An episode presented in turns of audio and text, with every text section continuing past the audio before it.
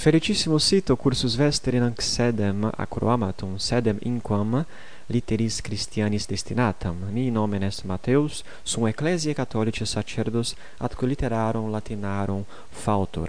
Ut primo sermone vobis uh, significavi propositum meum est vobis cum comparatiri a eh, auctores Christianos nec non eorum opera eru siquid boni potero vobis afferre iam mihi satis est. In primis uh, gratias velim agere omnibus qui verba benigna dixerunt de primo acroamate atque apud pipiatorium anc sedem divulgaverunt iam non est ex sedes ignota quia sunt quidam qui eam cognoscunt propter vestram benevolentiam. Bene gratias plurimas vobis ago uh, ehm, Ergo nunc eh, transiam ad uh, primum scriptorem Christianum, uh, primum scriptorem Christianum qui floruit uh, eh, dicamus ambito latino vel qui usus est lingua latina ad scribendum et vobis uh, plura de acre dicam uh, imposterum. Bene fruamini acroamate sino licet tamen frui verbis meis aud ec, uh, excultis saltem uh, fruamini queso auctore.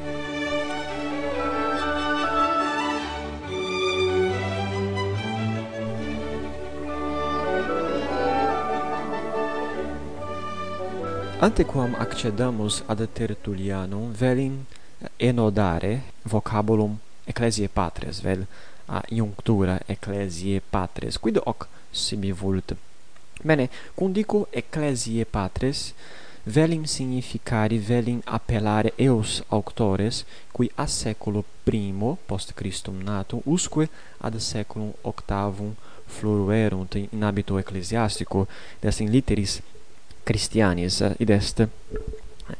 Uh, omnes illi auctores post Iesum post Iesum post Iesum mortem, qui exceptis apostolis quidem, apostoli non numerantur uh, inter eos, et qui multum atulerunt ecclesiae atque institutioni uh, doctrine Christiane, non solum propter dicam non solum propter doctrinam eh, copiosissimam verum etiam propter illam antiquitatem quia erant propinqui apostolis ergo id uh, id uh, tradiderunt quod acceperunt. Itaque sunt uh, mai momenti uh, apud uh, ecclesiam catholicam et apud christianos etiam eis qui non sunt catholici multum tales homines existimant.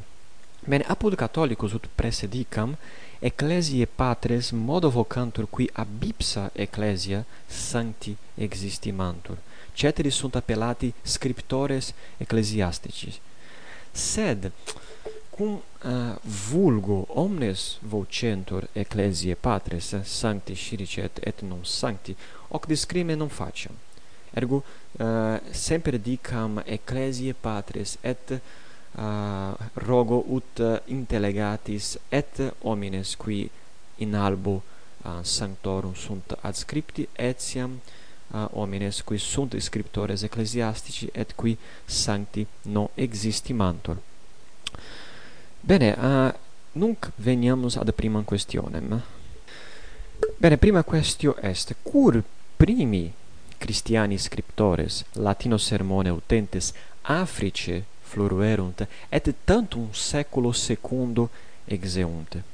Si sumitis exempli gratia uh, illum cursum completum patrum compositum a Ioane Paulo Migne qui fuit eh, uh, quidam sacerdos Francogalos uh, eh, hoc opus um, fecit seculo seculo decimo seculo undevicesimo id est initio seculi undevicesimi et uh, hic homo uh, in unum uh, collexit omnia opera patrum et divisit um, hoc opus in duas partes.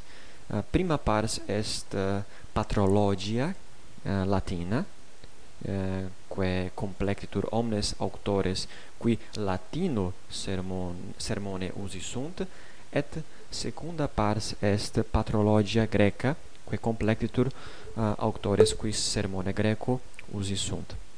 Bene, Si, exemple gratia uh, habemus in manibus nostris uh, uh, patrologiam grecam iam uh, videmus uh, scripta antiquissima id est scriptores uh, coevus qui eodem tempore vixerunt atque apostoli Iesu Christi.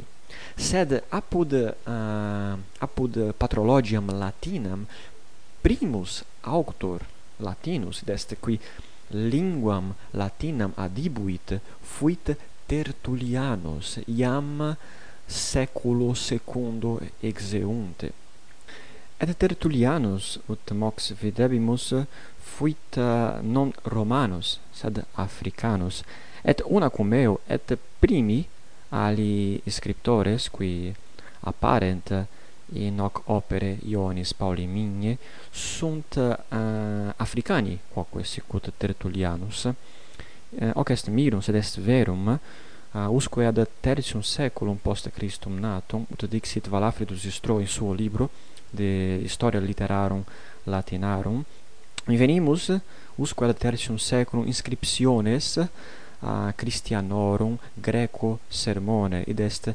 nil erat Rome latino sermone eh, uh, conscriptum a Christianis tantum greco sermone. Hoc est mirum sed est verum. Ipse apostolus paulus conscripsit uh, epistulam suam ad romanos non latino sermone scripsit sed greco sermone.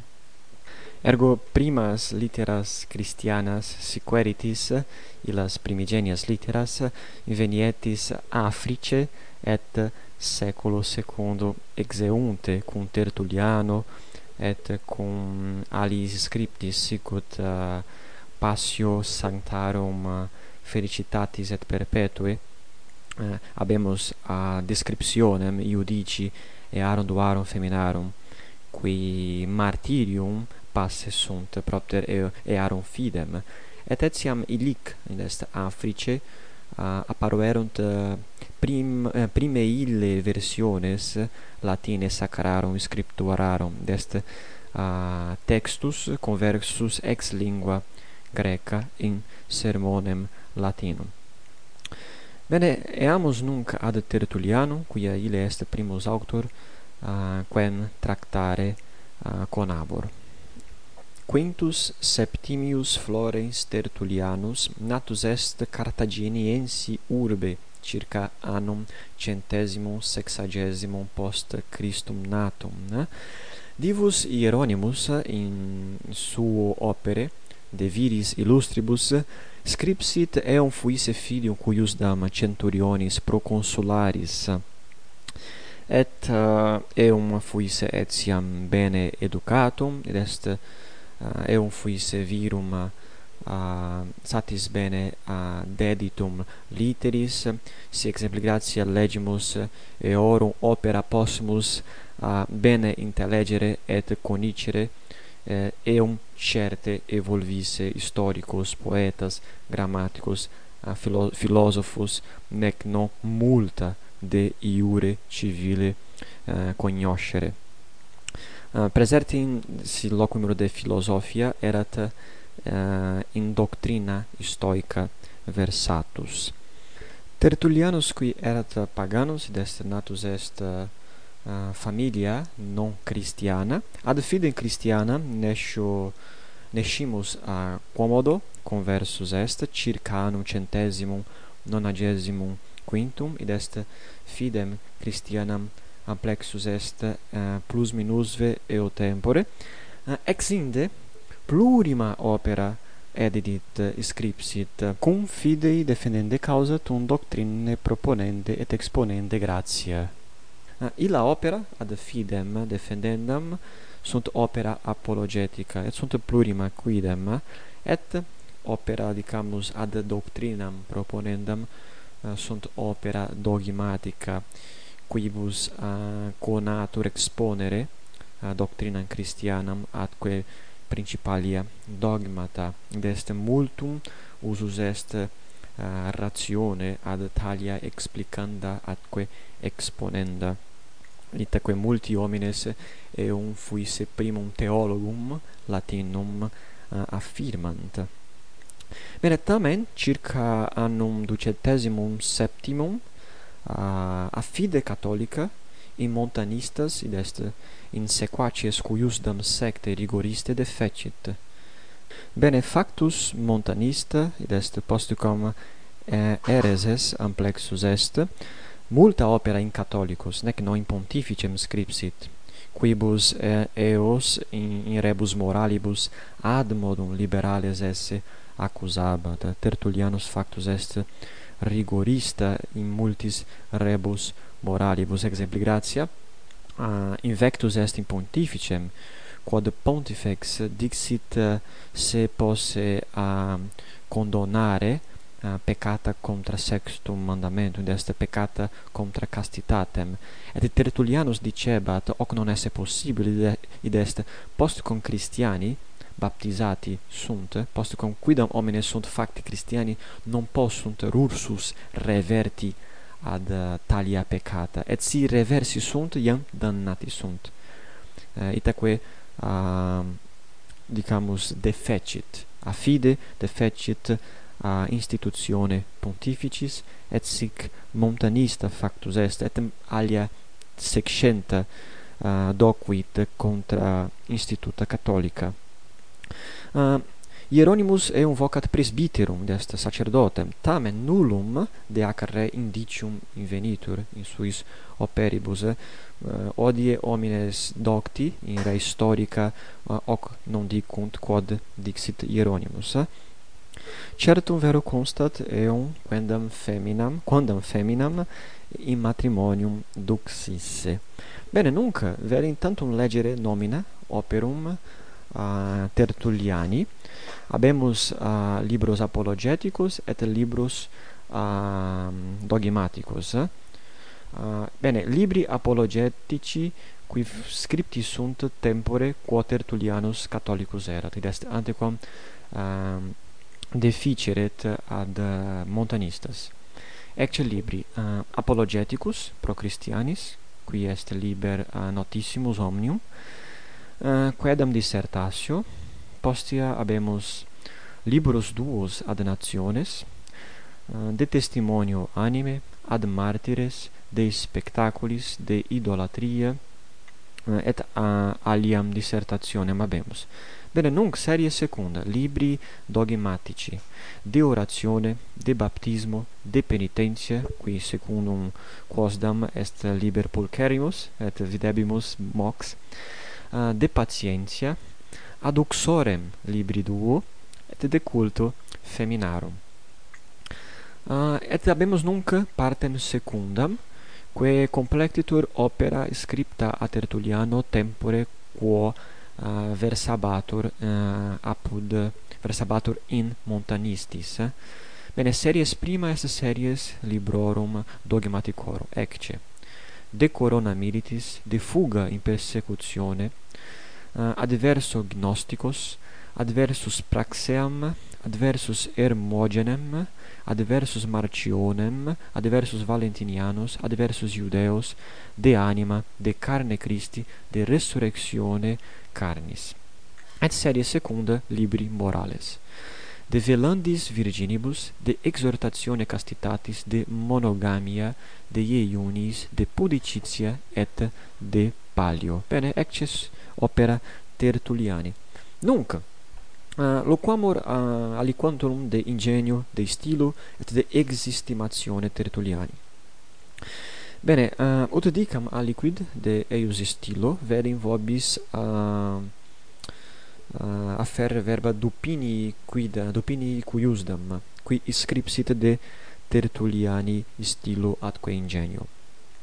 Ec verba sunt dupini acris et acuti erat ingenii et non satis accurati et recti. Res affectate sunt et interdum aliquando inflate. Preter modum sepe loquitur. In omnibus fere effervescit et effertur. Figuris et hyperbolis scatet multa scientia et eruditione repletus erat qua apposite ad modum utebatur. In satira excellebat eius urbani sales et mordaces erat. Adversarios dextre impugnabat et eos rationum inter se coerentium multitudine obroebat denique ni ratiocinis persuadet consensum saltem extorquet splendida ratione dicendi. Eius oratio laconica dictiones valide et in eius scriptis totidem verba totidem fere sententiae Ecce uh, dupini, dupini verba, quae mea sententia est quasi uh, sumula uh, de ingenio et de istilo Tertulliani. Etiam Ioannes quidam caveos scripsit de Tertulliani stilo, ecce verba. Abet tamen Tertulliani stilus majestatem quandam sibi propriam, et grandem eloquentiam, sale et acumine plurimum conditam, quae simul legentis ingenium exercet, et animum suaviter delectat. Et postremo verba lactansi ilius qui existimatur Cicero Christianus ex sunt verba lactansi Tertullianus inquit plurima erat literatura peritus verum in loquendo parum facilis parum comptus et multum obscurus. Eh? Sicut dicit uh, Valafridus Istro in suo libro, uh, eh, Tertullianus erat multum obscurus, et fortasse propter uh, brevitatem sententiarum, id est volebat multa dicere paucis verbis, et nobis qui sumus, uh, qui distamus, a, a, a tempore, quid dicamus non bene cognoscimus adiuncta rerum, uh, multum laboramus ad scripta eius intelligenda. Et quidam Renanus voluit excusare uh, illa vitia Tertulliani in scribendo. Bene, ut videmus Tertullianus erat vir eruditus, bene scribebat, sed aliquando propter vehementiam, dicamus ingenii, uh, ah, alia vitia, uh, ah, in alia vitia incurrebat. Et Renanus dicit de Eh, de Tertulliano ed est conatur eum excusare. Hoc dicit diu grecos scriptores uh, cum diu grecos scriptores evolveret adio grecas loquendi formulas imbibit ut etiam latina scribens hilarum oblivisci nequiret.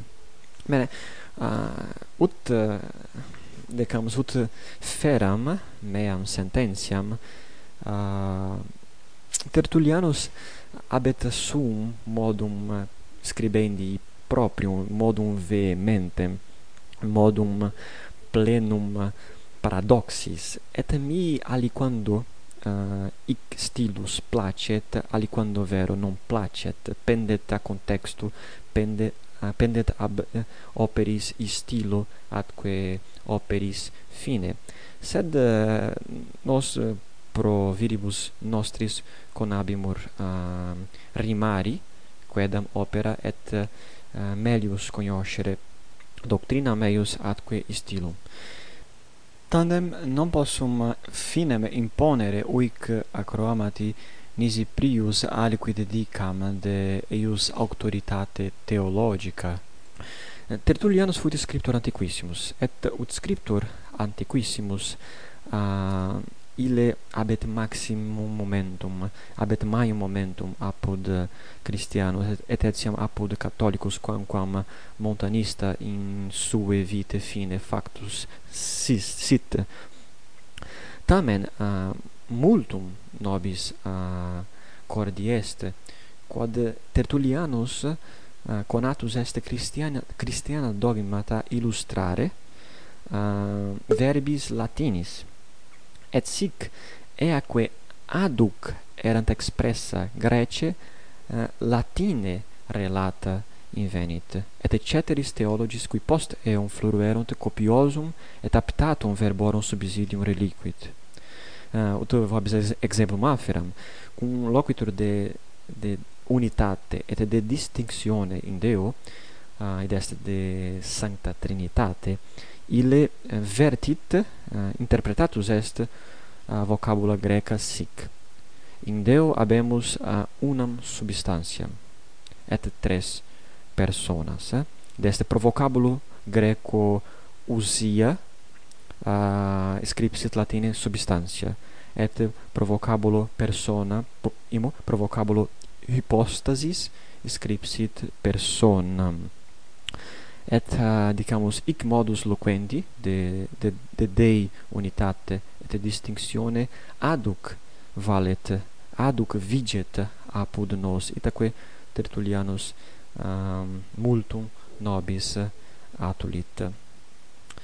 Bene ut uh, fine imponam ecce verba sancti hieroni hieronimi uh, in suo opere contra Rufinum de Tertulliano hoc dixit Hieronymus Sanctus Hieronymus.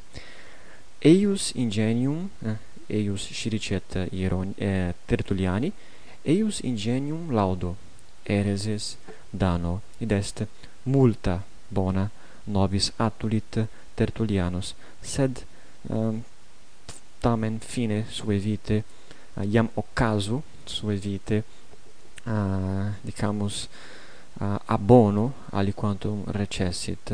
Sed tamen dicamus non est non, non sunt obscuranda bona propter quedam mala. Bene uh, hoc est de Tertulliano et spero uh, in posterum et brevi uh, primum opus eius rimari ed est vobis, vobis presentare uh, opus et aliquos commentarios uh, producere. Bene, valeatis com maxime, fratres carissimi, et spero brevi, vos reversuros esse.